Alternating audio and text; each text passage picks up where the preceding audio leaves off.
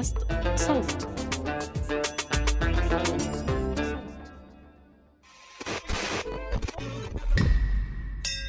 أهلا. أنا بسنت سمهوت وحابة أرحب بيكم في الحلقة دي من المستجد جدا. الفقرة المصغرة من بودكاست المستجد. بنقدم لكم فيها آخر الترندات والأخبار في كبسولة ملخصة جدا. جوائز الأوسكار. هي من أهم الجوائز الفنية والتقنية في صناعة السينما ومن أهم الجوائز في مجال الترفيه والميديا عموماً. وطبعا مع كل حفل جوائز بيكون فيه red carpet وترفيه ونكت واحتفال باللي كسبوا الجوائز أو انتقادات على الاختيارات واللي ما ترشحوش أو ما كسبوش. وعادة بيحصل حدث بارز. الناس بتقوم سايبة كل الجوائز والأفلام وتتكلم عليه. من السيلفي اللي كسرت الإنترنت ل what about your first Oscar وإعلان اسم الفيلم الغلط للجائزة أنتوا شايفين السكة اللي أنا ماشية فيها مش كده؟ السنة دي في حفل جوائز الأوسكار ال 94 الحدث الأبرز هو الألم Oh, wow. I'm going to, okay? والكوميديان الأمريكي كريس روك بيقدم جايزة أحسن فيلم وثائقي كان بيهزر مع الجمهور شوية واللي منهم الممثل ويل سميث ومراته جيدا بينكت سميث وقال لها جيدا بحبك متحمس أشوفك في فيلم G.I. Jane 2 ده عشان البطلة في الفيلم كانت حلقة شعرها وجيدا كمان حلقة شعرها وكده Jada, I love you. G.I. Jane 2, can't wait to see it. All right? الكاميرا جابت ويل سميث بيضحك وجيدا شكلها متضايق وبعدها بكام ثانية هوبا ويل سميث طالع غضبان وقام ضرب كريس روك بالقلم وقعد تاني وقال له فيما معناه مراتي دي ما تجيبش سيرتها على لسانك يا حيوان Oh.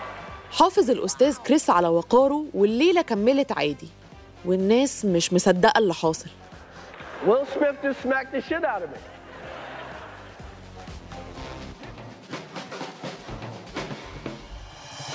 وبعدها بأقل من ساعة قام ويل سميث واستلم أول أوسكار ليه بجايزة أحسن ممثل عشان دوره في فيلم King Richard. ولا كأن حصل أي حاجة. وهو بيقبل الجايزة اعتذر للأكاديمية وزمايله المرشحين لجوائز تانية على اللي صدر منه في خطاب عاطفي وقال الحب بيخلينا نعمل حاجات مجنونة. لاحظوا هنا إنه ما اعتذرش لكريس روك. وبعد ما استوعبنا اللي حصل فهمنا إنه سبب غضب ويل هو إنه مراته عيانة بمرض الثعلبة اللي بيسبب لها تساقط في شعرها. يعني حلاقة الشعر بالنسبة لها مش موضة. ووارد يكون كريس مش عارف عن الموضوع ده بس صعب عشان جيدا بتتكلم عن شعرها ومرضها بشكل متفتح جدا أونلاين. ومن هنا للاستوديو التحليلي ضمن فريق صوت. معانا المنتجة تالا حلاوة والمسؤول المالي محي الدين الأسدي.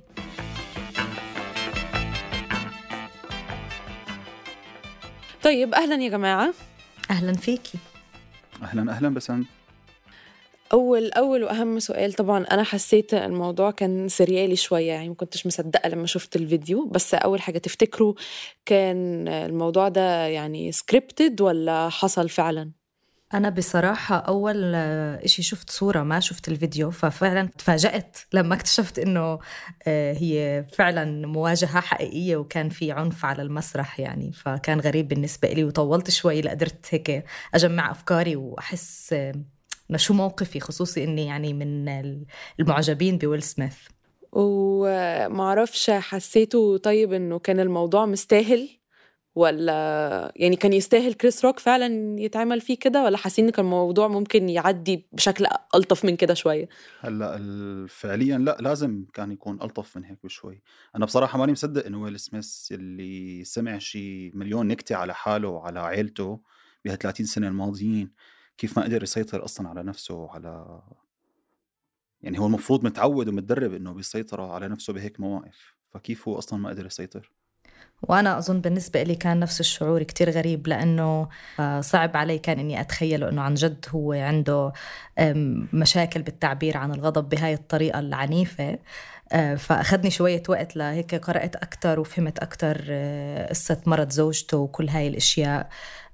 وكنت عم بفكر بالموضوع من من ناحيتين من ناحية أولى أنه أكيد ما لازم نعبر عن غضبنا بطريقة عنيفة وكان ممكن يعني يتجاوز هذا الموقف أو يعبر عن رفضه لهاي النكتة بطريقة أكثر يعني عقلانية خلينا نقول.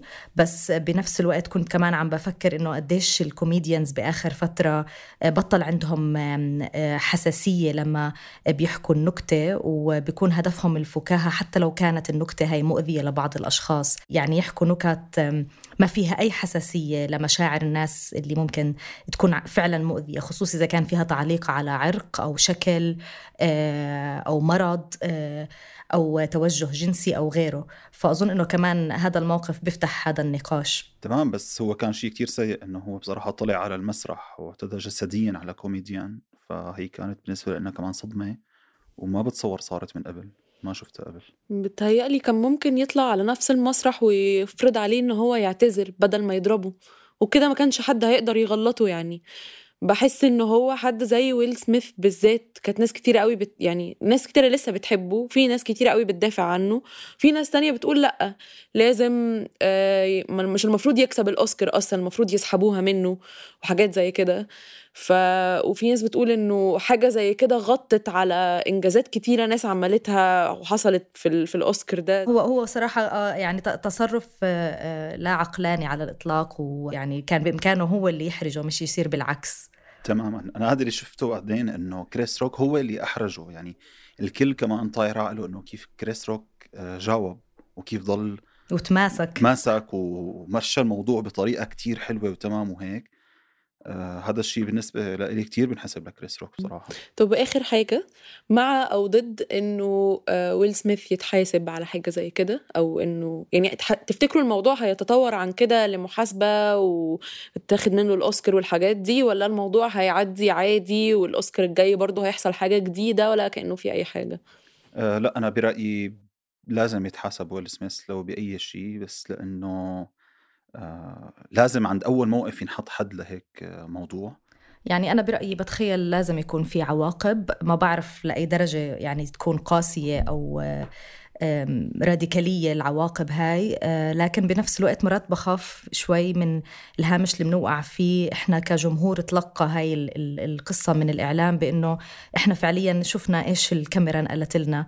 آه، ما بعرف إذا نستنى آه، أي تصريحات من أي جهة. إذا في سياق معين إحنا افتقدناه أو ما بنعرف عنه. وفعلا طلعت تصريحات ووصلت اعتذارات. أولا الأكاديمية أقصت ويل سميث على اللي عمله وبدأ التحقيق. ويل سميث طلع بيان بيعتذر فيه تاني للأكاديمية واعتذر كمان لكريس روك وقال له أنا كنت غلطان حقك عليا.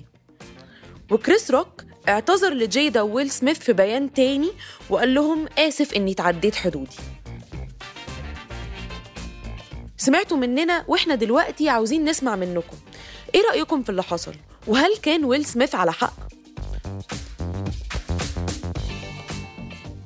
كنت معاكم من الإعداد والتقديم بسنت سمهوت من التحرير عمر فارس ومن الهندسة الصوتية محمود أبو ندى.